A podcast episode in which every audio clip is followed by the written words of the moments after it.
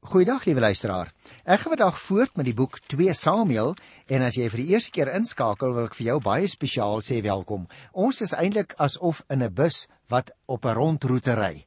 Met ander woorde, jy het niks gemis wat die vorige programme betref nie, want as ons so die Here wil uiteindelik by Openbaring kom, gaan ons dadelik weer by die eerste bushalte, naamlik program 1 in Genesis met mekaar nog 'n ronde, so die Here wil begin. Ons het hier besig met 'n baie interessante gedeelte en dit is 'n uh, geskiedenis wat hom afspeel kort nadat Dawid koning geword het. Nou die ouens wat nou gereeld ons program luister sal weet, Dawid is gesalf in Hebron as die koning nadat Saul gesterf het. Maar te min of meer terselfdertyd het die leeroowerste Abner gegaan en hy het 'n ander man gesalf met die naam van Isboset. En daarom gaan ons nou hierso so 'n bietjie kyk na hierdie man want hy's 'n interessante man, hierdie Abner, hoewel hy natuurlik ouer was as Dawid. En ek wil eers net vir jou so 'n bietjie van Abner vertel en dan gaan ons ehm um, na die teksgedeelte voor ons kyk vir vandag.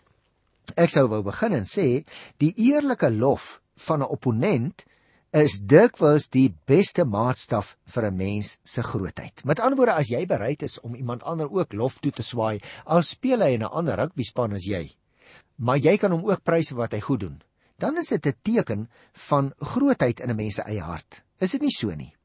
Alhoewel Abner en Dawid mekaar dikwels van hy teenoorgestelde kampe op die gevegsfront ontmoet het, het hulle tog besondere agting vir mekaar gehad, wat my aanduiding is dat albei van hulle groot geeste was, as ek dit nou so mag uitdruk. Byvoorbeeld, as jong man het Dawid onder Abner militêre diensplig verrig. Later in sy lewe moes Abner Saul se planne om Dawid dood te maak probeer uitvoer. Maar na Saul se dood het Abner vir 'n kort rukkie Saul se nageslag aan bewind gehou. En 'n mens sou vir jouself sê, Ja, ek kan dit verstaan aan die een kant, want Abner was die leeroowerste van koning Saul, die eerste koning. En hy was goeie vriende met sy familie. Daarom kan ek verstaan dat hy uh, vir Isboset, Saul se een kind, gesalf het as nuwe koning. Ja, ek kan dit verstaan. Dis doodmenslik. En ek kan uh, ook verstaan dat hy baie lojaliteit gehad het teenoor daardie koningsfamilie. Maar aan die ander kant, is dit nie ook vir jou wonderlik nie, liewe luisteraar, dat Abner ook groot waardering gehad het vir Dawid wat in Hebron gesalf is as die nuwe koning. Syne familie van Saul en die sterk man van Israel het Abner vir 'n lang tyd waarskynlik self planne beraam om die troon oor te neem. Jy sien die spanning met Isboset en die suksesse van Dawid het hom egter op 'n ander strategie laat besluit. Hy sou naamlik, so het hy homself voorgenem, die noordelike stamme oortuig om Dawid as koning te erken in ruil vir die opperbevel van die gesamentlike troepe mag.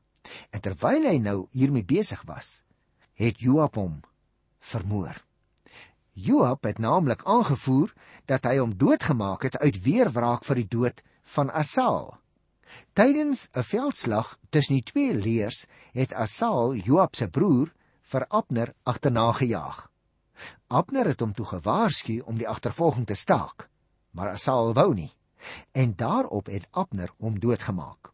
As 'n mens dus na die verhale hier kyk, dan is dit duidelik dat Joab eintlik wou verhoed dat Abner ten koste van homself die opperbevelvoerder word. En dit het uiteindelik Dawid in 'n groot verleentheid geplaas, juis omdat dit sy toenadering tot die noordelike stamme ernstig kom benadeel. Sy reaksie op Abner se dood het almal egter oortuig dat hy geen aandeel aan die verraderlike moord gehad het nie. Die ewe lafhartige moord op Isboset is uiteindelik die vereniging van Israel onder Dawid. So uiteindelik het uit die tragedie iets baie voordelig vir Dawid na vore gekom dat hy uiteindelik erken is as die enigste koning oor Israel. Maar as die mense dit nou beter wil verstaan, dan moet jy so 'n bietjie in groter detail kyk na die teks. En daarom wil ek begin vandag hier by 2 Samuel, die uh, derde hoofstuk by die 6ste vers. En inleidend sou ek net 'n baie kort opmerkingie wou maak uh, om te sê jy moet nou oplet hoe dat Abner met Isboset wat deur homself naamlik Abner tot koning verklaar is. Hoe dat Abner nou sy bande breek met die man in wie hy 'n uh, groot toekoms gesien het as koning vir Israel. Want die bevelvoerder van Iboset se leer was Abner. Hy was 'n neef van Saul. Hy was baie invloedryk en hierdie episode wat in vers 6 tot 11 vir ons beskryf word, gee dan vir ons 'n indruk van die verhouding tussen die swak koning en die sterk bevelvoerder. Kom ek lees dit vir jou. Onderwyl die oorlog tussen Saul se huis en die van Dawid aan die gang was, het Abner geprobeer om sy posisie in Saul se huis te verstewig deur 'n verbintenis met 'n byvrou van Saul. Haar naam was Rispa, die dogter van Aja. Toe Isboset hom vra, "Waarom het jy my pa se byvrou gevat?" het Abner hom gruwelik oor die woorde vererg en het gesê, "Dink jy dat ek 'n laa hond is wat Judas se saak wil aanhelp? Tot nou toe was ek getrou in die huis van Saul en aan sy broers en sy vriende." Ek het vermoed dat jy in Dawid se mag val. En nou spreek jy my aan oor 'n vergryp met hierdie vrou. Jy sien, Abner is nou dadelik op sy perdjie. Abner wat die eintlike sterk man is. Hy was duidelik 'n vername figuur in Isboset se ryk. Hy was selfs 'n neef van Saul, lees ons. En die Rispa, die dame hier, word later ook weer in die 21ste hoofstuk vermeld. Maar jy moet oplet om 'n byvrou van die vorige koning vir jou te vat as vrou is in daardie tyd gesien as 'n poging om die troon te bekom. Dit is hoekom daar nou 'n uh, agterdog ontstaan teen Abner. Absalom het naamlik by sy pa se byvroue gaan slaap om te bewys dat hy die troon oorgeneem het. Salomo het Adonia se versoek om met Abisag, een van Dawid se byvrouens, te trou, ook geïnterpreteer as die begin van 'n poging om die koningskap oor te neem. Daarom was dit eintlik 'n baie swak stukkie strategie aan Abner se kant dat hy met 'n byvrou, naamlik Rispa, getrou het, uh wat gekom het uit die harem van die vorige koning Saul. Mens kan verstaan dat Abner nou baie verontwaardig was toe hy dit verwyd word.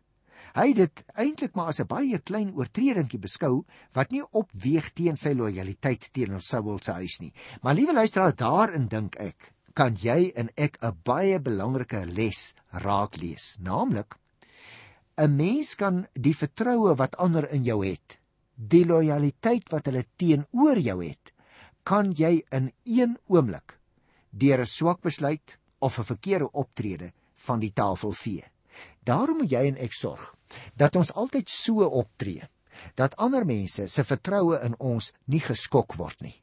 Dis nou natuurlik nie dat ons skyn heilig wil raak nie, maar onthou, ons het ander mense ook nodig en hulle het vir ons nodig. Maar as ons wantroue en onsekerheid laat veroorsaak deur verkeerde optrede, dan belemmer ons soms nie net 'n goeie verhouding nie, maar ook die goeie saak, die saak van die Here waarvoor ons graag bekend wil wees.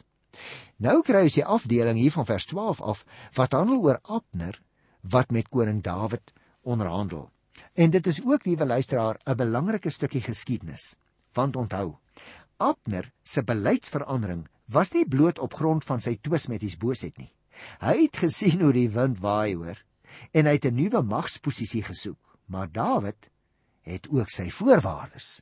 Luister so 'n bietjie. Ek lees van vers 12 af. Hierna het Abner boodskappers na Dawid toe gestuur en gesê: "Behoort die land nie aan u nie?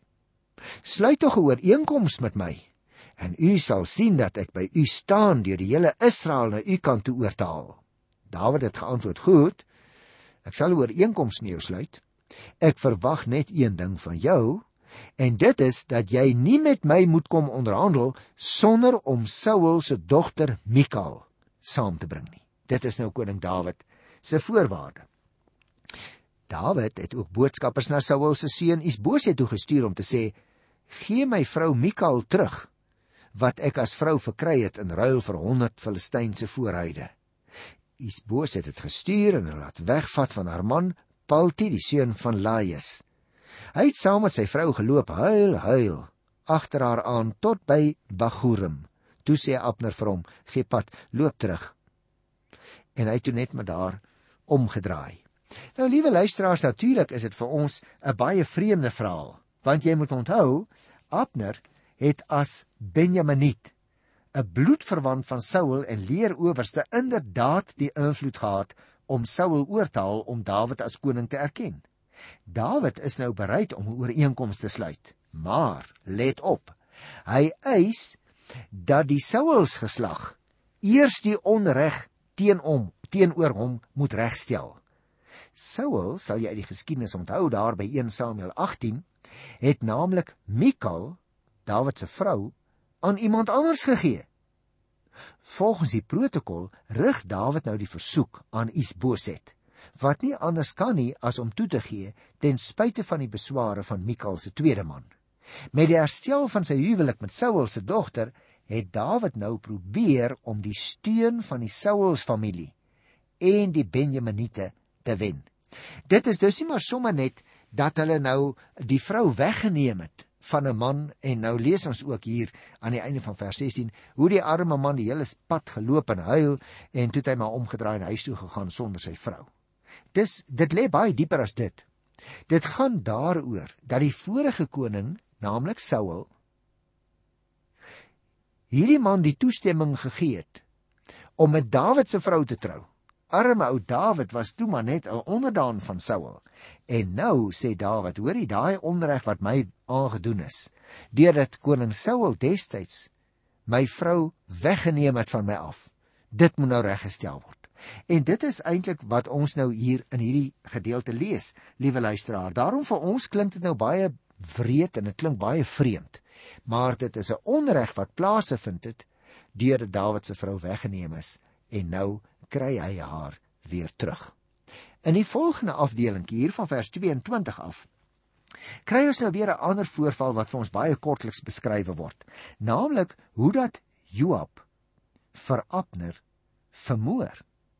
Nou oorsigtelik uh, sou ek wou sê voordat ek dit lees, ons moet oplet as ek dit nou lees, liewe luisteraar, Joab sou nie toelaat dat sy posisie enigstens benadeel word nie en daarom gebruik hy nou bloedwraak as 'n voorwendsel. Toe hy na 'n strooptog van die slagveld af terugkom, hoor hy van die verwikkelings wat nou daar by die huis plaasgevind het.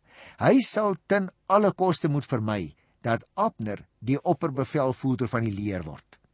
En kom ons lees nou wat daar gebeur het. Ek lees hier van 2 Samuel 3 af van die 22ste vers af. En toe gebeur die onvoorsiene. Joab en die soldate van Dawid net van 'n rooftog af teruggekom en 'n groot buit saamgebring. Abner was toe nie meer by Dawid in Hebron nie. Abner het met die instemming van die koning ongehinderd vertrek.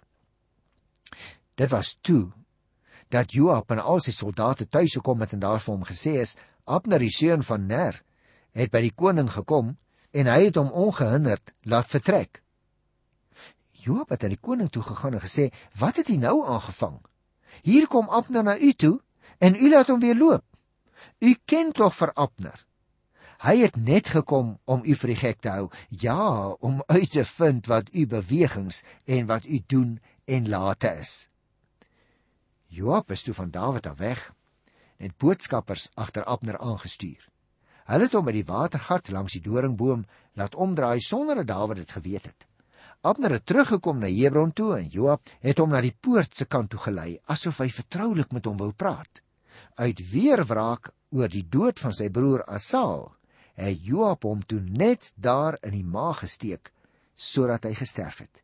Weereens wil ek sê liewe luisteraar, vir jou vir my lyk dit dan verskriklik bloeddorstig wat ons nou hier lees. Om die waarheid te sê, die voorval was nie ver van Hebron af nie. Die presiese plek waar Joab se boodskappers hom ingehaal het, is vir ons onbekend. Weerwraak lees ons hier vir sy broer se dood. Dit was die hoofmotief vir Joab se moord op Abner.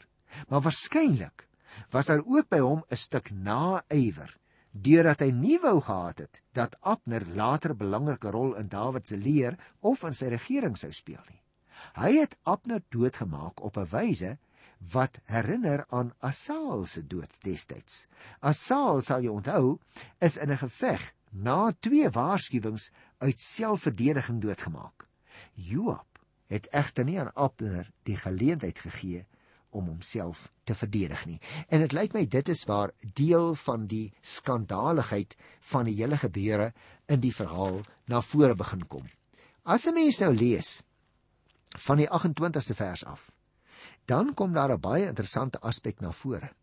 Dawid, lees ek, het dit agterna eers verneem en hy het gesê: Ek is vir altyd voor Here onskuldig aan die moord op Abner die seun van Ner ek en my koningshuis. Mag die straf daarvoor op Joab se kop afkom en op sy hele familie. Met ander woorde, liewe luisteraar, merk jy op Dawid sê en tereg ook. Ek wil net vir my en elkeen van my onderdane dit baie duidelik stel. Ek was nie aandadig aan die dood van Abner nie.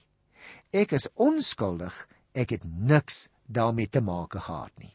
En dan lees ons van die 31ste vers af aan Joab en die hele leer by hom, het Dawid gesê: "Skeur julle klere, trek rou klere aan en rou oor Abner." Nou, liewe luisteraar, dis my wonderlik dat dit hier staan, want jy sal onthou, na die dood van die eerste koning, naamlik Saul, het Dawid dieselfde gedoen. Hy het as op sy kop gegooi. Hy het die dood van Israel se eerste koning Saul beklaag in 'n aangrypende treursang wat ons bespreek het toe ons daarby was. En nou kry hy dieselfde optrede. Dawid kan eintlik nou sê, ja, ek is bly hierdie Abner is nou uh dood want uh hy was moontlik vir my 'n bedreiging.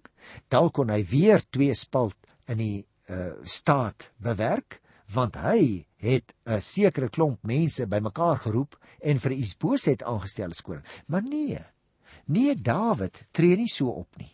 Hy huil en hy treur, hy trek rou klere aan oor Abner wat eintlik vir hom 'n groot klomp moeite aangedoen het. En dan kom 'n mens hier by die 35ste vers uh in die boek 2 Samuel by die 3de hoofstuk. Ek gaan 'n stukkie daarvan lees. Die hele leer het Dawid probeer ooreed om iets te eet terwyl dit nog dag was, maar hy het te eet afgelê. Mag God my om die lewe bring het hy gesê as ek voor son onder brood of kos sou eet. En dan gaan die verhaal vorentoe en word gesê hoe dat almal opgemerk het dat hy niks eet nie. Die 37ste vers sê die hele leer en die ganse Israel was oortuig dat die koning niks met Abner die seun van Ner se dood te maak gehad het nie. Nou dis interessant nê want Dawid se optrede het nou gev tot gevolg gehad dat die leer waarvan Joab die bevelvoerder was in die hele Israel dis ook hulle wat vir Dawid nog nie as koning erken het nie dat hulle nou begin besef het dat Dawid nie aan die moord aandadig was nie. Hy sê byvoorbeeld in vers 39 ek is wel tot koning gesalf maar my posisie is nog lank nie sterk genoeg teenoor hierdie manne die seun van Seria nie. Hulle is vir my te hard. Mag die Here daarom self die saak regstel deur die moordenaar vir sy misdaad te straf. Jy sien Dawid besef sy eie posisie is nog nie baie sekuur nie. Hy is maar nog 'n kort rukkie wat hy deur al die stamme in daardie omgewing erken word. En daarom wil hy dat daar 'n bietjie tyd verloop. En nou lees ons die interessante opmerking in die eerste vers van Hoofstuk Toe Isboset die seun van Saul verneem dat Abner in Hebron dood is, was hy tot niks in staat nie. En die hele Israel was skrikbevange. Mens kan dit verstaan hoor, want Abner wat nou dood is, was die persoon wat Isboset gesalf het as koning. Hy het reg in eie hande geneem en die noordelike stamme het dit aanvaar.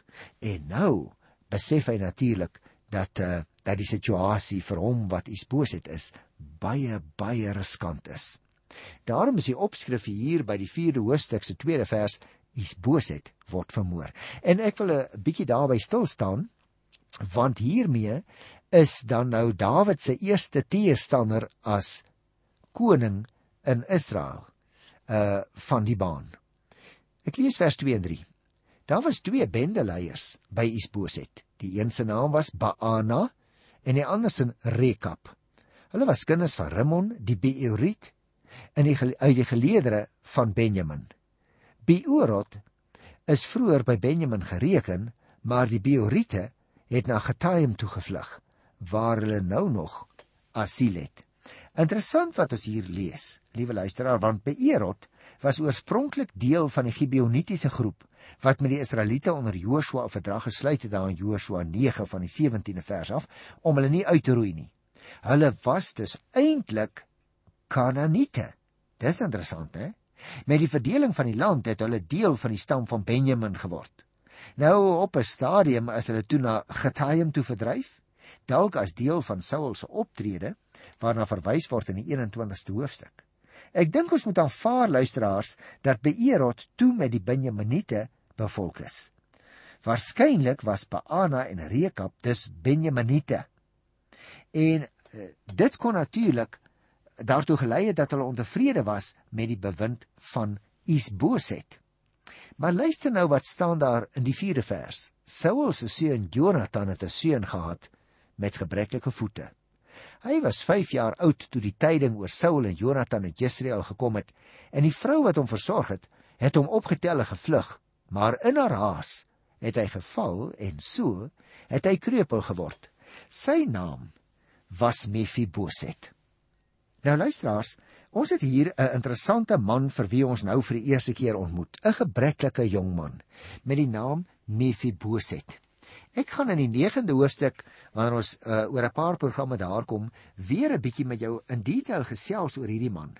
Maar baie belangrik wat ons so lank vir mekaar kan sê, die enigste ander moontlike troonopvolger na Isboset was hierdie gebreklike seun Mephiboset, want hy was ook 'n seun van Saul. Maar hy was nou baie jonk op hierdie stadium en boonop was hy kreupel. En dus was hy nie in staat om die troon oor te neem nie. Dit is dus eintlik net so 'n tussenwerpseltjie wat ons hier kry. Oor hierdie seun wat op hierdie stadium waarskynlik 12, miskien kon hy so 13 jaar oud gewees het. En ek wys net op sy naam omdat ons later in die geskiedenis weer van hom gaan hoor. Ek wil teen die einde van die hoofstuk net so enkele vers optel want ek dink dit is vir ons van belang wat hier staan in vers 9 tot 11 waar ons nou lees van moordenaars en alskenare dinge maar luister wat staan in vers 12 Toe Dawid sy leiwag beveel om daardie twee moordenaars dood te maak hulle het hulle hande en voete afgesny en hulle by die dam van Hebron opgehang maar Isboset se kop het hulle gevat en in Abner se graf in Hebron gaan begrawe. Nou liewe luisteraar vir jou en vir my is dit nou so 'n bietjie bloeddorstig, miskien selfs onnodig sou ons sê maar onthou daardie mense lewe in 'n totaal ander kultuur van 3000 jaar gelede. En daarom die straf wat Dawid hier uitgedeel het, het weer duidelik getoon dat hy nie aan die gruweldaad aandagtig was van die vermoording van Isboset nie. Die moordenaars wat dit gedoen het, se hande lees ons hier die hande waarmee Isboset vermoor is is afgesny en so ook hulle voete waarmee hulle hulle na Dawid toe gehaas het.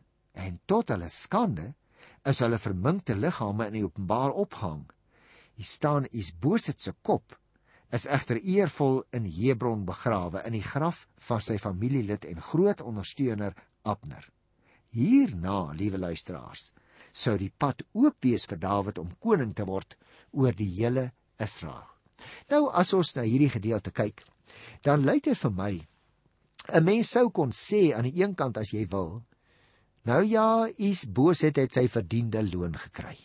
Hoe kon hy homself nou sommer maar laat uitroep het deur Abner as koning terwyl die Here eintlik vir Dawid al lank van tevore laat salf het? Maar ek dink nie ons moet so bloeddorstig wees nie, uh, liewe luisteraar, want sedert die Nuwe Testament weet ons baie goed dat ons selfs ons ander wang moet draai as iemand ons op die een wang slaan. Daarom moet ons ook die gebeure wat hier plaasvind sien in die konteks van destyds. Dit was heeltemal 'n ander kultuur. Dit was mense wat 'n oog vir 'n oog wou straf, 'n tand vir 'n tand. Uh maar vandag is dit nie meer so nie. Ons werk vandag met die reël van die liefde. En daarom moet daarom moet ons ook hierdie historiese gebeurtenisse in die konteks van hulle tyd lees. Kom jy en ek sê vir onsself, laat ons lewe volgens die reël van die liefde wat die Here Jesus ons geleer het. Ek groet jou in sy wonderlike naam tot volgende keer. Tot dan. Totsiens.